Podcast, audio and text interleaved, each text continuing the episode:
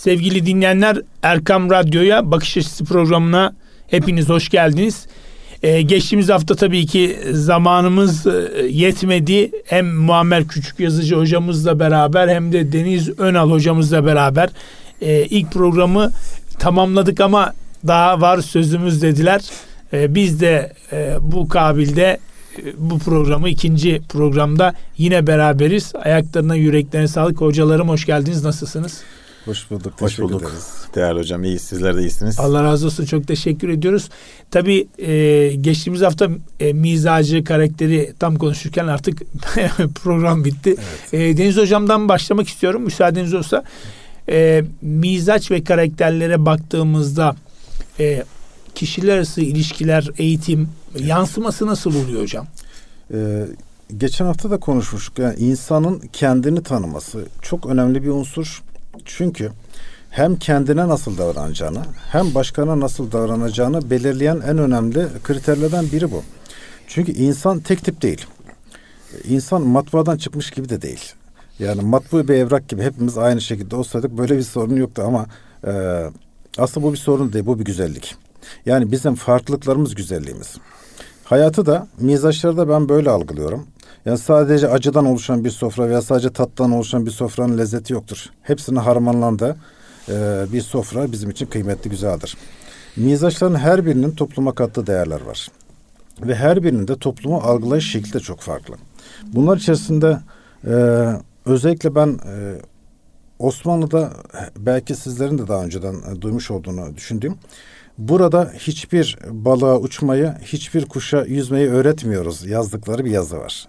Yani bu aslında mizaçlara göre, karakterlere göre eğitimi e, uyguladık uyguladıklarına e, vurgulayan ama bizim için de çok değerli bir e, bilgi.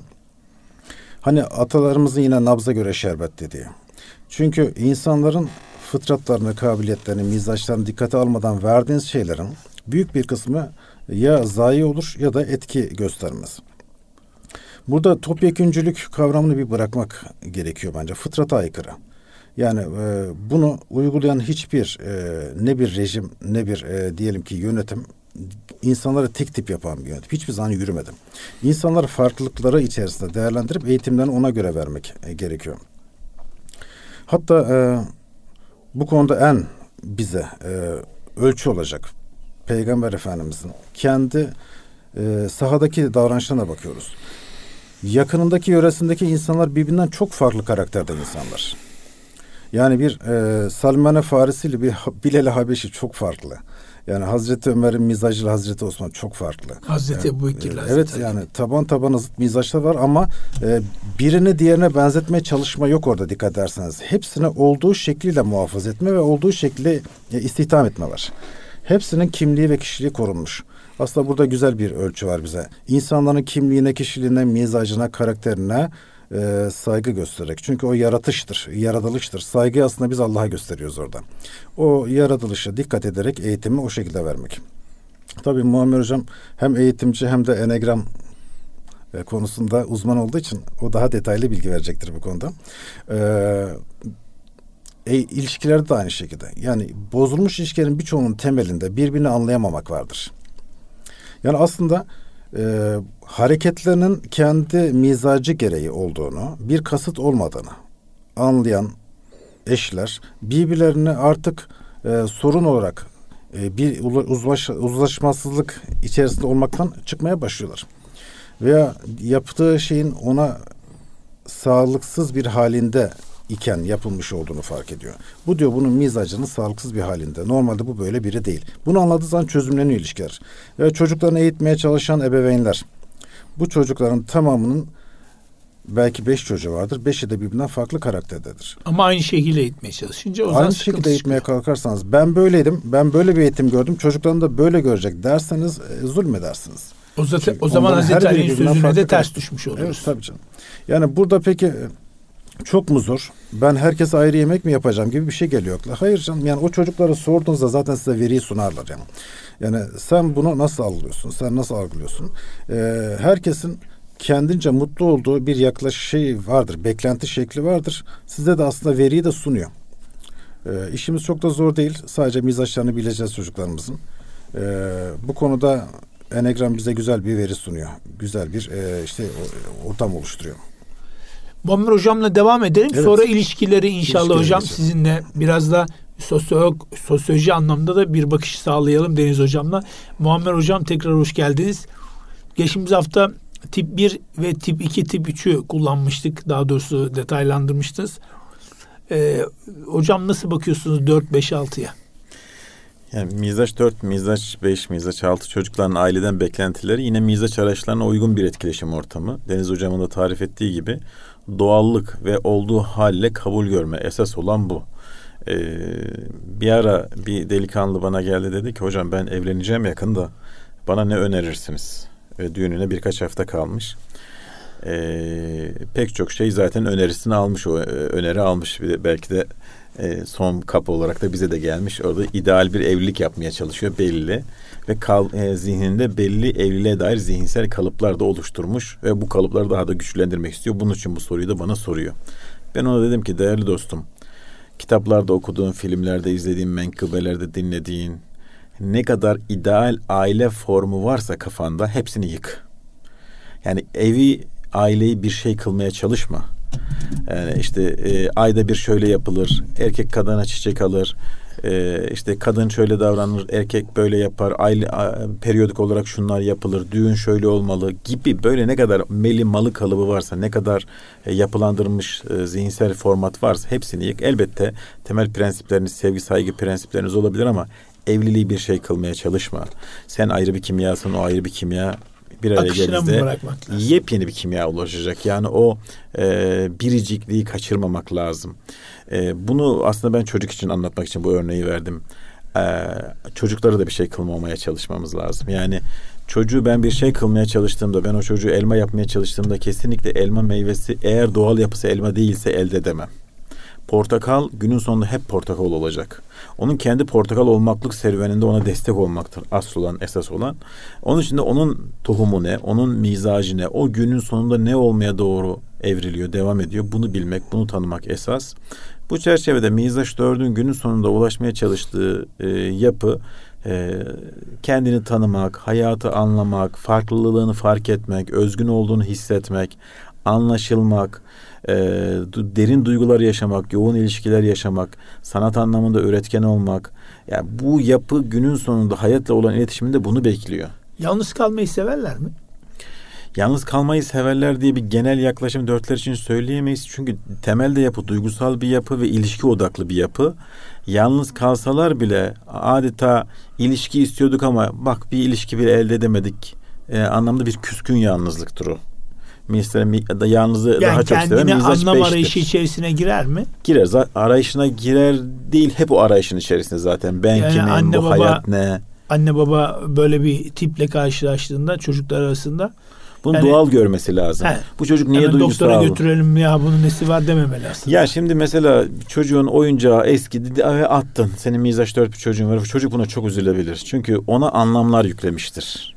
Geçmişten Senin için e, o sıradan bir oyuncaktır ama o e, geceleyin sarılıp ağladığı, ona dertlerini anlattığı veya bir hikayesini paylaştığı bir konuda beraber güldü. Ona bir hikayesi vardır, bir anlam atfetmiştir o oyuncağa.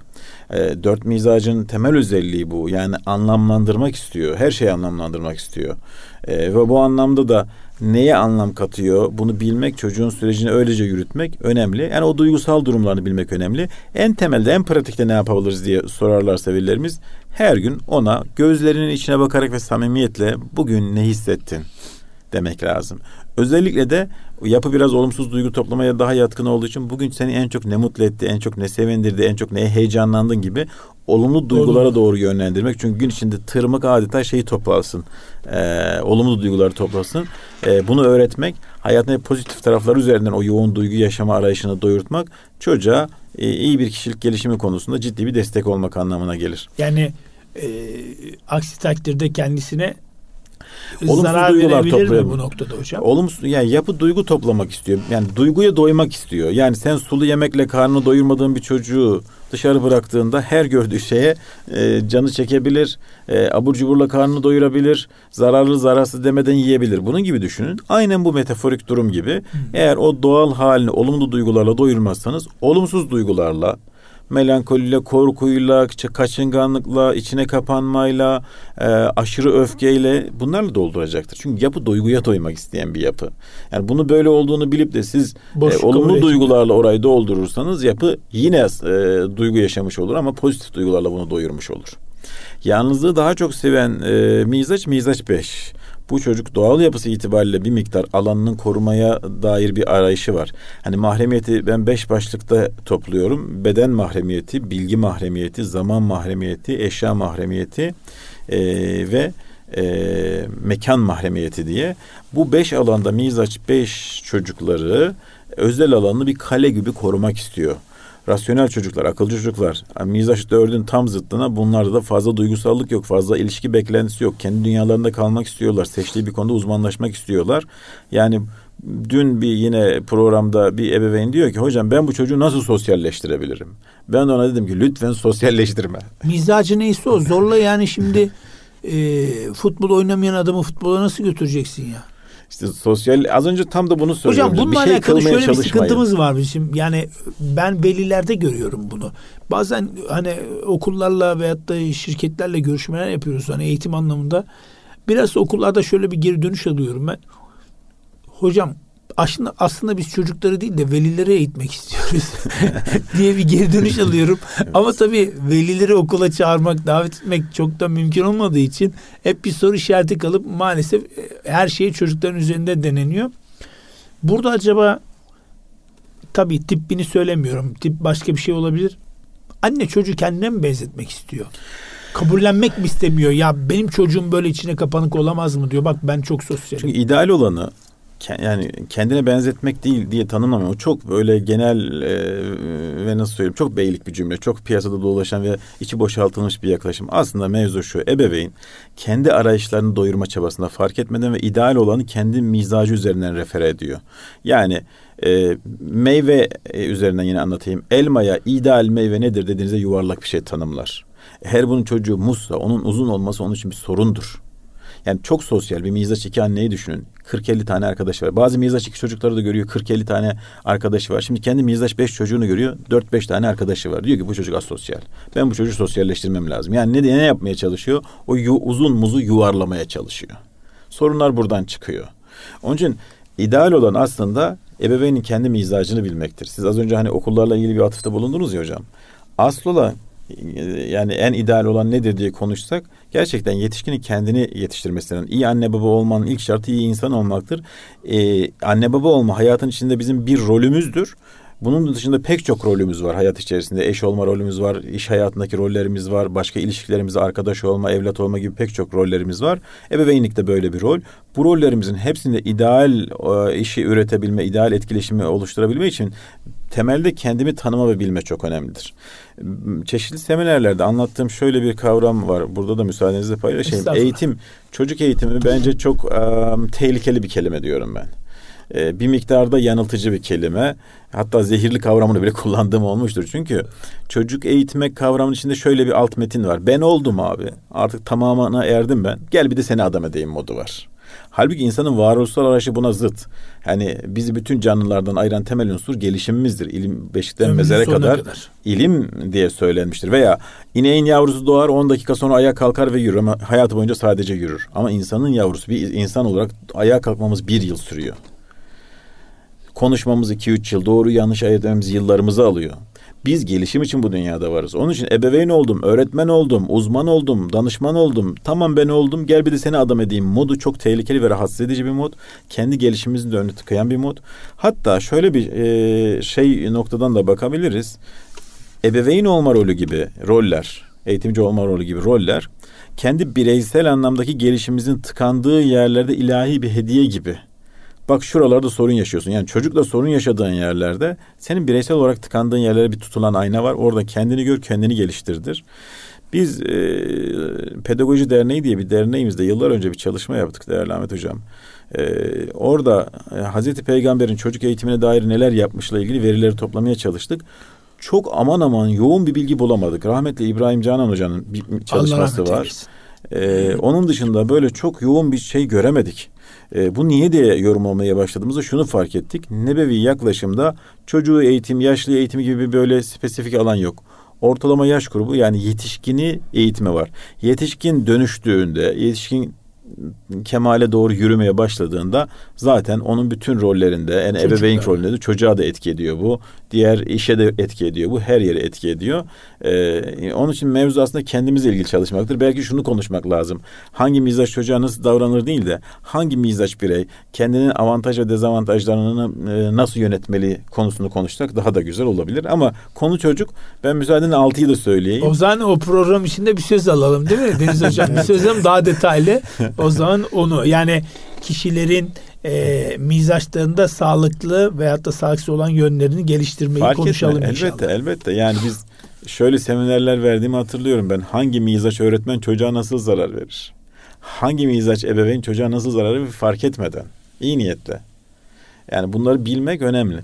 Mizaç altı çocuğu ıı, üzerinden de yine devam edelim. Konseptimizi en azından bozmayalım. Mizaç altı çocuk ne bekliyor? İşte mizaç beş çocuk mahremiyetine saygıyı ve e, kendinin böyle olduğunu bilinmesini istiyor dedik. Mizaç altı çocuğuna temel beklentisi güven. Hayatta olan iletişimi, ilişkisi güven üzerine kurulu. Net bilgi istiyor. Görev ve sorumluluklarının net bir şekilde kendine tanımlanmasını istiyor. Çocuğum git mutfağı topla dedin. Mizaç altı çocuğu dağıtırsın işte. Çünkü evet. o çocuk mutfağı toplamak ne kafasına ne e, belirli değil ki. Tezgahı sildi, makinayı boşalttı, dolabı yerleştirdi. Hala kafasına tik atamadı mut, mutfağı toplamakla ilgili. O zaman bu çocuğa yönerge verirken yani kızım oğlum işte makinayı boşalt, tezgahı sil, yeri süpür gibi. Yani uyduruyorum Adım bu örnekleri. Yani yaptım bitti, yaptım bitti, tik tik tik attım tamam. Çünkü yapı onaylamak istiyor kendini, net olmasını istiyor. Risklere karşı biraz daha tedbirli, çabuk kaygılanabilen bir yapı olduğu için belirsizlik ifade eden yaklaşımların çok kullanılmaması veya onun kaygısını artıracak durumlara çok muhatap edilmemesi esas. Bence kimse haberler izlememeli ama çocuklar asla izlememeli. Özellikle mizat altı çocuklar asla haberler izletilmemeli. Özellikle de şu haber önü haberleri var ya şu şöyle düştü onu köpek kovaladı o çukura düştü filan. Bunlar güvenlik çok, anlamında kendini güvenlik çok, algısını çok e, Altılar yoruyor. böyle bir şey var değil mi? Yani güvenlik anlamında çok, tedbir tedbir çok seviyorlar. Yapı tedbir alıyor. Risk yani, nerede var diyor. Sen de sürekli önüne bu tür haberlerle şurada risk olabilir, burada risk olabilir diye e, yelpazesini, Aslında annelerimizde de bu mevcut. Anneler diye genellemiyoruz hocam biliyorsunuz. Hangi mizaç anne? Mizaç 8 bir annede bunu göremeyiz. Şimdi tabii altı deyince e, bu bununla alakalı da ayrı bir program yapmak lazım. Hani ünlülerin mizaç tipleriyle ilgili mesela. Abi altı deyince hep aklıma ikinci Abdülhamit Han geliyor. Yani muhteşem bir insan değil mi? Muhteşem. Evet, Hatta evet. bir söyleminde de bir ifadesi var. Hani ben paranoyak değilim. Aslında tedbiri elden bırakmamak için bunları Kesinlikle. alıyorum diye. Yani altı deyince hep aklıma geliyor hocam. Yok ya. yani Allah rahmet eylesin. Çok mekanı cennet olsun. Ee, yani mizaç altı bir liderlik profili nasıl olurun e, görüyoruz ve o tedbirliliğiyle 32 sene böyle bir evet. ülkeyi böyle bir sıkıntılı bir dönemde o stratejik kabiliyetiyle yönetebilmiş ama Abdülhamid'in hayatını yazan tarihçi bir arkadaşım vardı. Daha çocukken ona babası benim e, müdebbir ve meşgulken şüpheci ve tedbirli oğlum diye severmiş. Evet. Ben bir kitabını okumuştum. E, padişah olma ihtimali zor ilk önce biliyorsunuz. Tabii, Gençlik tabii. yıllarında bir e, sürprizle padişah oluyor. Ama bir gün padişah olursam şunları yanımda çalıştırırım diye güvenli elemanlarını belirlemiş. Tabii gençliğinde. Veya e, örnek veriyorum simitçiyi gizli polis yapmış hafiye. Evet. Oradan gelen data veride şüphe olur diye çaycıyı da onu takip eden gizli polis yapmış. Yani tabii, çapraz tabii. hafiyelik sistemi dünyada ilk kullanan kişi. Ama bir şey söyleyeceğim. Bulunduğu dönemdeki şehirlerin tüm fotoğraflarını çektirmiş. Çok tabii. arşivci birisi. Hep bunlar evet, mizaç altının Aslında yani günümüzde de çok ciddi bir arşiv de gelmiş. Yani baba bunu aslında kodlamış mı ikinci Abdülhamit Han Hazretleri'ni yoksa gerçekten baba belki de Abdülmecit bunu tespit mi etmiş? Ya şimdi iyi bir gözlemci çocuğunu fark eder. Mizacını enegramın şey, yapısına göre 6-4 diye tanımlamaz ama Tabii. bu çocuğun temel arayışında tedbirlilik var, şüphecilik var diye görmüş. Şimdi enegramın güzel tarafı şu hocam. Biz ebeveynler olarak çocuklarımızı en iyi gözlemci olanlar bile belli yerlerini gözlemleyip yakalayabiliriz ama belli yerlerinde de çok kör kalıyoruz. Ama enegramla çocuğun mizacının belli yerlerini gözleyip mizacını belirlediğinde göremediğim pek çok yerle ilgili de enegram çok ciddi bir haritalandırma sunuyor. Güçlü tarafı bu. Yani gözlemin ötesinde veri sunma boyutu bu. O bir yönünü söylemiş. Yani tedbirli olduğunu, şüpheci olduğunu fark etmiş ve söylemiş babası. Ee, bizlerin de aslında çocuklarımızı tanımamızla ilgili bu anlamda enegramı kullanmamız önemli. E, çocuklarımızın şüpheci mi, tedbirli mi yapı olduklarını anlarız. E, çocuklarımızın bizden ne beklediğini anlarız. E, ona bağlı bir iletişim kurarız. Şimdi pandemi döneminde çocukların pandemiden nasıl etkileneceğine dair e, konuları e, konuşuluyor e, şunu bilmemiz gerekiyor. Pandemi döneminde de ebeveynlere en çok hatırlattığım mizaç altı ebeveyn çocuğu olan ebeveynlere en çok hatırlattığım konu oydu. Güvenlik e, alanlarını yıkmayın dedim. Yani siyaseten beğenmeyebilirsiniz yöneticilerinizi, doktorları beğenmeyebilirsiniz, polisleri beğenmeyebilirsiniz, eleştirebilirsiniz, öğretmene dair eleştiriniz olabilir ama çocuğunuz mizaç altıysa bunu lütfen bunun yanında, onun yanında yapmayın. Bu sadece pandemi dönemi için de geçerli değil. Her zaman için geçerli. Çünkü bir şey olursa doktor amca var. Bir şey olursa polis abla var. Bir şey olursa devletimiz var. Ben öğretmenim var diye dışsal güven odağını önemseyen bir yapıdan bahsediyoruz mizaçaltı dediğimizde. Siz bu çocuğun dünyasında bunu yıkarsanız öğretmenlere güven olmaz. Okul zaten bir işe yaramıyor. Polisler o biz böyle yorumlar yapılmıyor mu? Türkiye'de adalet mi kaldı? O zaman çocuk ha, belki de evden dışarı çıkmaz. Kalesini yıkmış olursunuz. Kalesini yıkmış olursunuz. Allah yani yaşam, yaşam enerjisini kurutmuş olursunuz. Bunlara dikkat etmek gerekiyor. Mizaçaltı çocuğunuz varsa. Evet hocam çok önemli bilgiler. Kesinlikle, yani çok hani önemli ömrümüzün sonuna kadar okusak yetiştiremeyeceğimiz bilgiler var. Hakikaten çok değerli. Hocam kısa bir araya gidiyoruz. Aradan sonra Deniz Hocam'la beraberiz. Sevgili dinleyicilerimiz. Evet kısa bir aradan sonra tekrar devam ediyoruz. Geçtiğimiz hafta tabii Enegram'ı efendime söyleyeyim diğer e, mizdaşları konuştuğumuz programımızı e, devam ettiriyoruz. E, bugün Muammer Küçük Yazıcı hocamız ve Deniz Önal hocamızla beraberiz. Radyoyu yeni açanlar için e, duyurulur. E, Deniz hocam programın başında tabii mizdaşları, karakterleri ve karakterlerin yansımalarını e, değerlendirmiştiniz.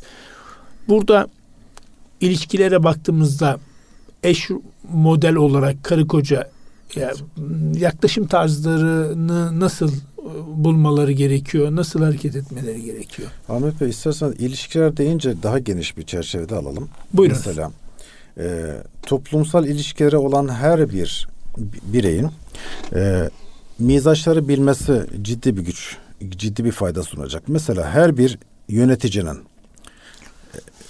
el altında çalıştığı insanların mizaçlarını bilmesi ona ciddi anlamda veri olarak gelir. Bir, ciddi bir iş verimi olarak gelir. Yaklaşım tarzı olarak. Hatta e, Amerika'da An, a, e, Andrew Carnegie diye bir CEO var. Gelmiş geçmiş en büyük parayı kazanan, en büyük e, maaş şeylere imza atan birisi. Mezar taşında şu yazıyordu. Burada kendisinden daha zeki insanlara istihdam edebilen biri yatıyor. Yani mizaçları, karakterleri biliyor, onlara nasıl müdahale edeceğini biliyor. Ve iş verimini ciddi arttırıyor. Aranan insan durumuna gelmiş. Özellikle çelik sanayinde, ağır sanayide. Böyle herkes onu çalıştırmak istiyor işveren olarak. Ee, öğretmenlerin bilmesi gerekiyor bunu. Özellikle yani toplumun neredeyse altyapısını oluşturan kavram eğitimci kitlesi.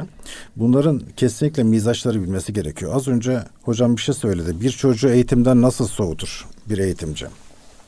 Çok e, küçük bir örnek vereyim. Yani öğretmen öğrenci eğitimi sevdirebilir de soğutabilir de.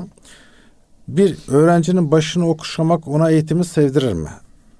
E, böyle bir genelleme yapamıyoruz. Şimdi mizaç iki bir öğrencinin gerçekten çok hoşuna gider. Öğretmenim beni sevdi ve der ve derse motive olur.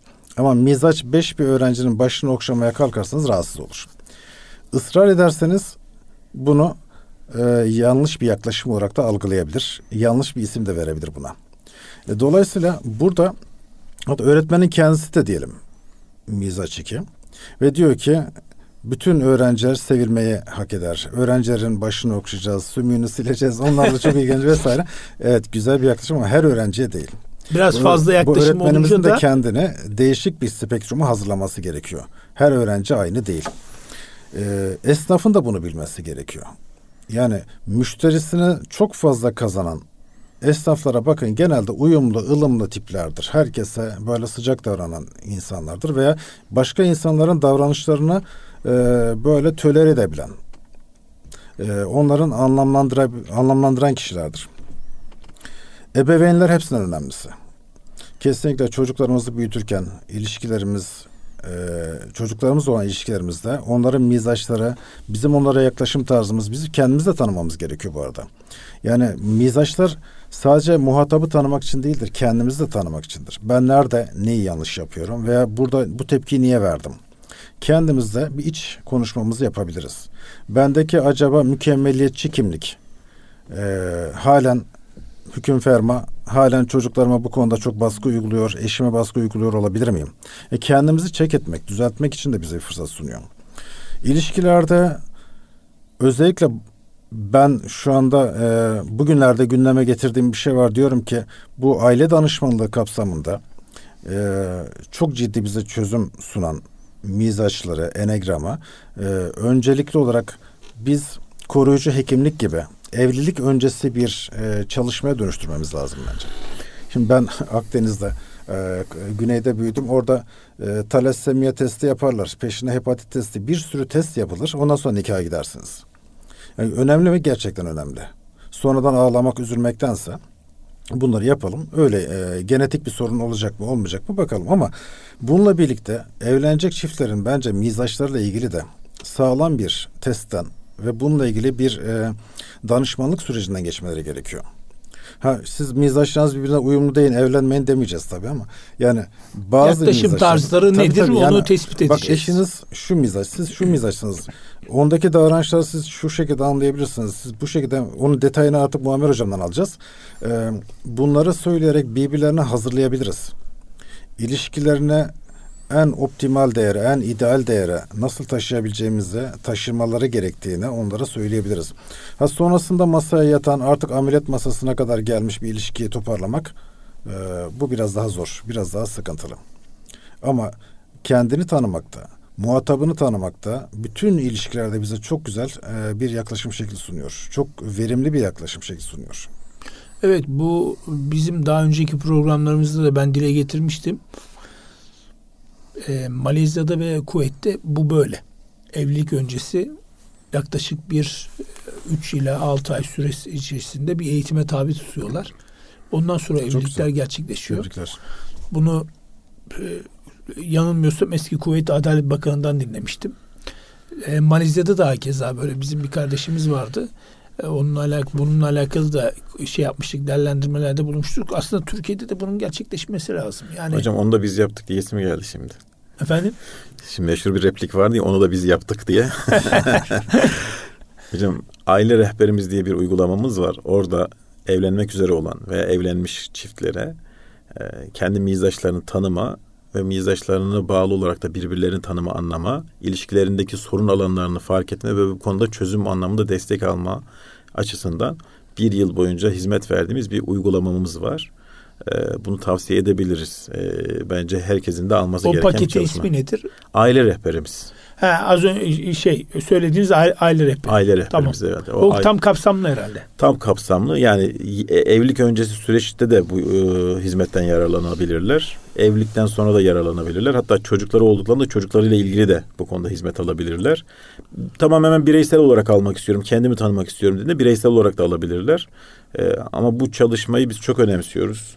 E, biliyorsunuz son dönemde aileyle ilgili bütün mevzumuz, ailemizi korumakla ilgili toplumda da çok hoşumuza giden bir hassasiyet de yükseldi. Çünkü e, negatif e, yaklaşımların, kötü niyetli insanların temelde merkeze aldığı, hedefine tuttuğu şeyin aile olduğunu görüyoruz. Aileyi yıkmaya konsantre olmuşlar.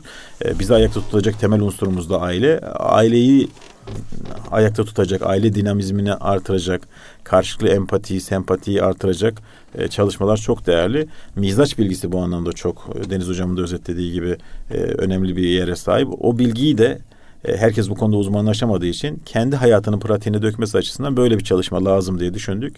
Ekiple beraber çalıştık. iki yıla yakın bir çalışma yürüttük ve şu an hizmet olarak bunu sunuyoruz.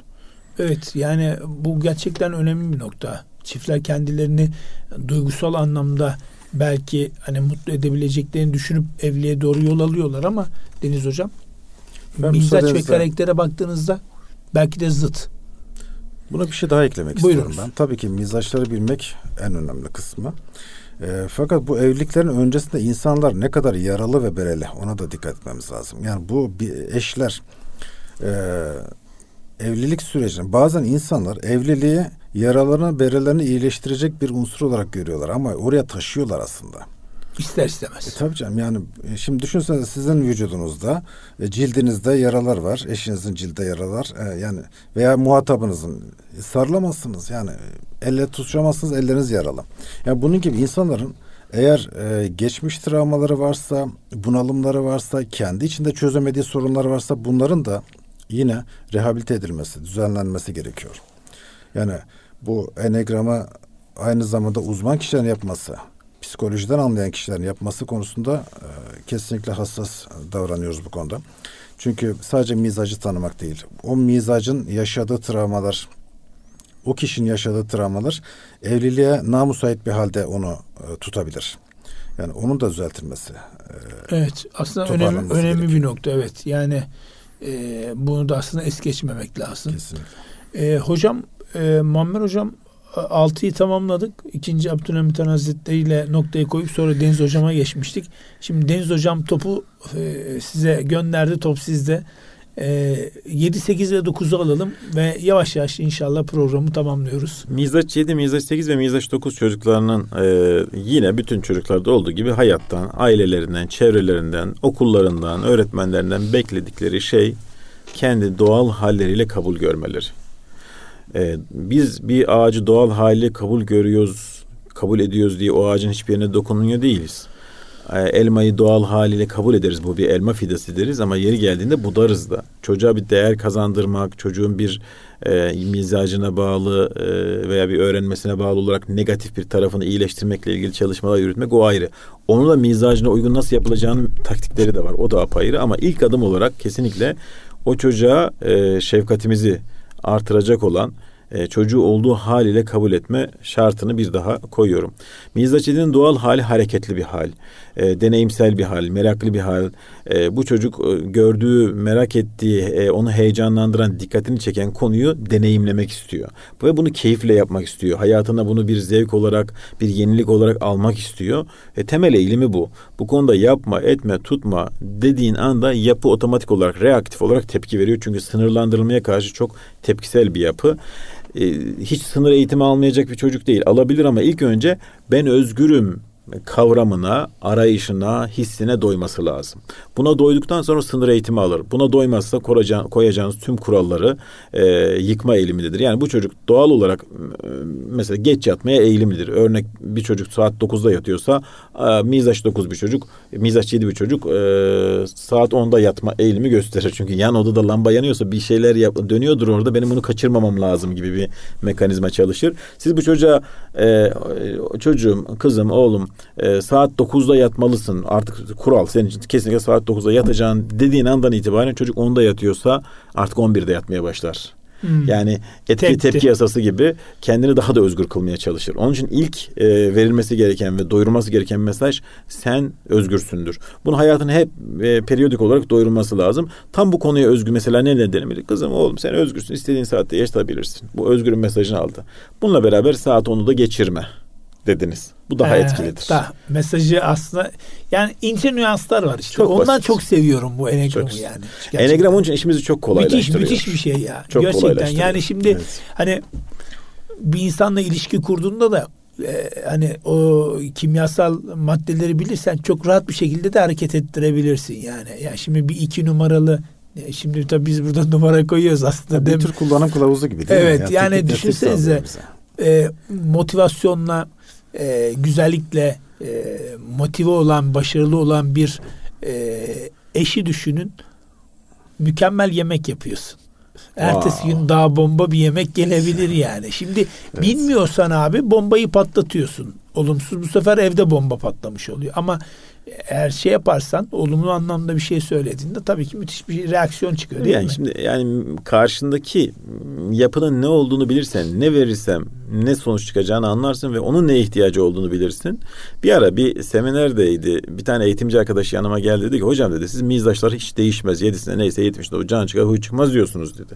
Ama eğitimin tanımı istendik davranış değişikliğidir. Bu nasıl oluyor dedi. Ben dedim ki işte değişmeyen şey davranış değil arayış. Davranış her zaman değişebilir. İşte bak istendik davranış değişikliği diyorsun ya. Kimden ne istiyorsun? Kimden ne istiyorsun? İşte tam da kimden ne istediğini bilirsen buna uygun bir çalışma yürütürsün. Geçenlerde bir televizyon programına çağırdılar. Orada sohbet ederken programda önümde masa var. İşte değer, çocuğa değer kazanımını konuşuyoruz. Dedim ki bakın hani değer kazandırmayı hem evrensel değerler hem kültürel e, değerler e, kazandırıp çocuğu başarılı, mutlu, topluma kendine faydalı, evrensel e, bir dünya vatandaşı yapmak. Hedefimiz bu olsun. Bunu değer kazandırmak diye tanımlayalım. Bunu dedim masa yapmaya benzetelim. Bak önümüzde masa var. Masa yapmaya benzetelim. Tamam mı? Tamam. Kaba bir örnek ama benzetelim. Ama dedim bakın önümüzdeki masa cam bir masa ve bunun işçiliği farklı olur. Eğer ahşaptan masa yapsaydık farklı olacaktı. Metalden masa yapsaktık farklı olur.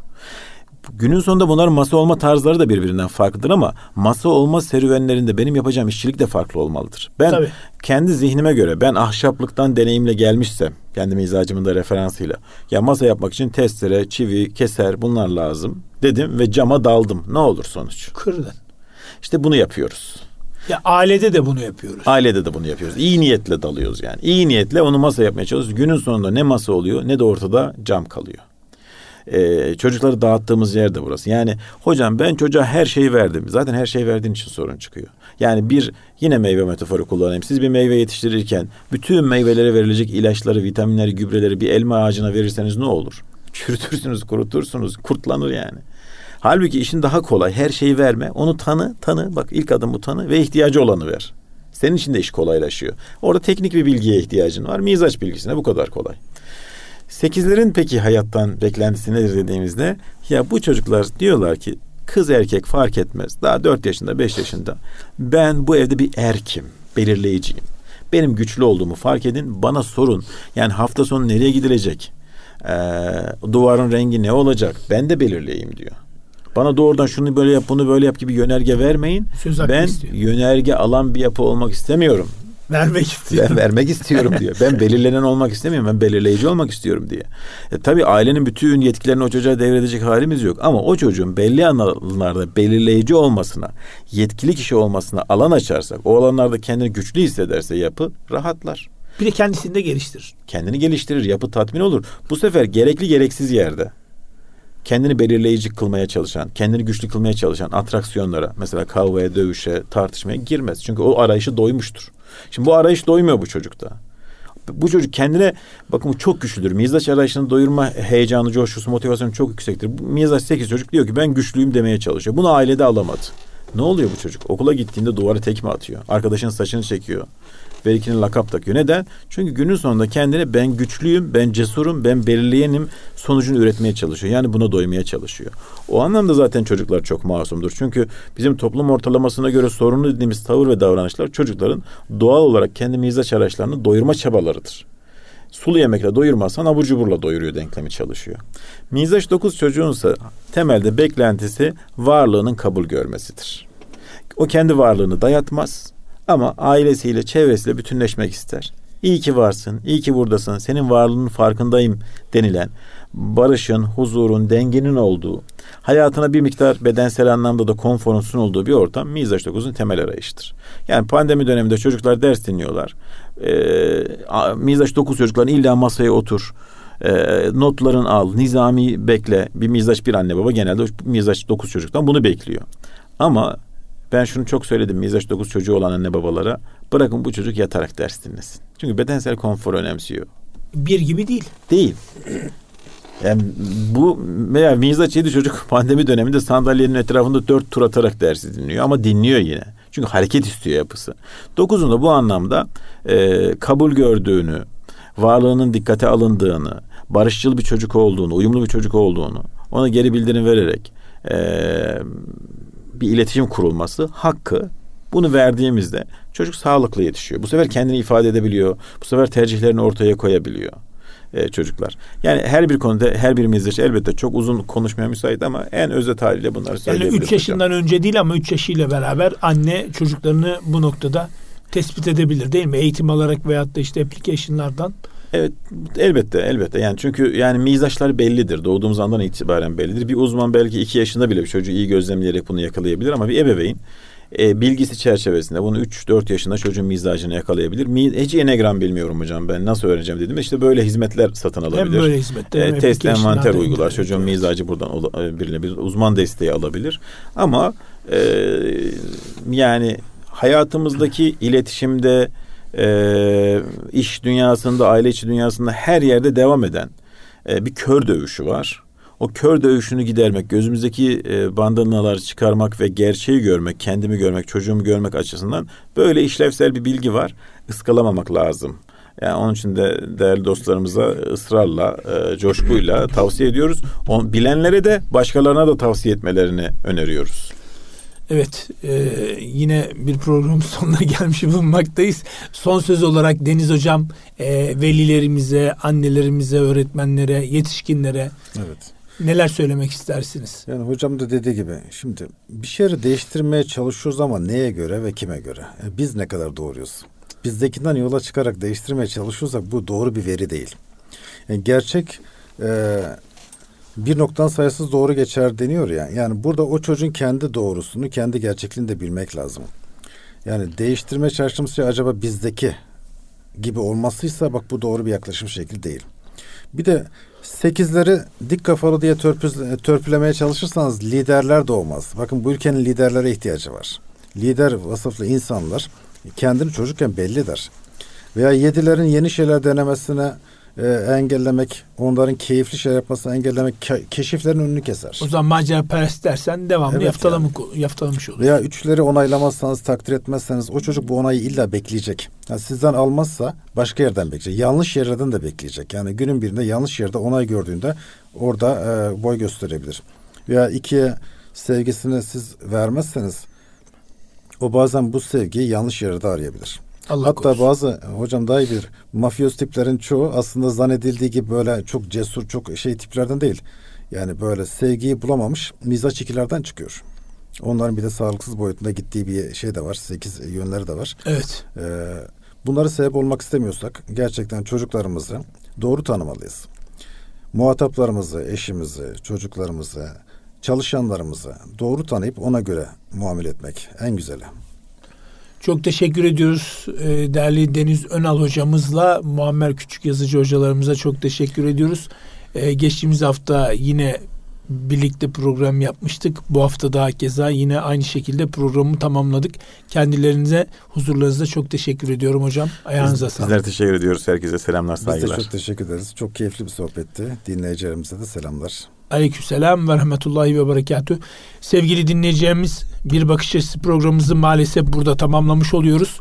Önümüzdeki hafta aynı gün ve saatte tekrar görüşmek ümidi ve duasıyla Allah'a emanet olunuz.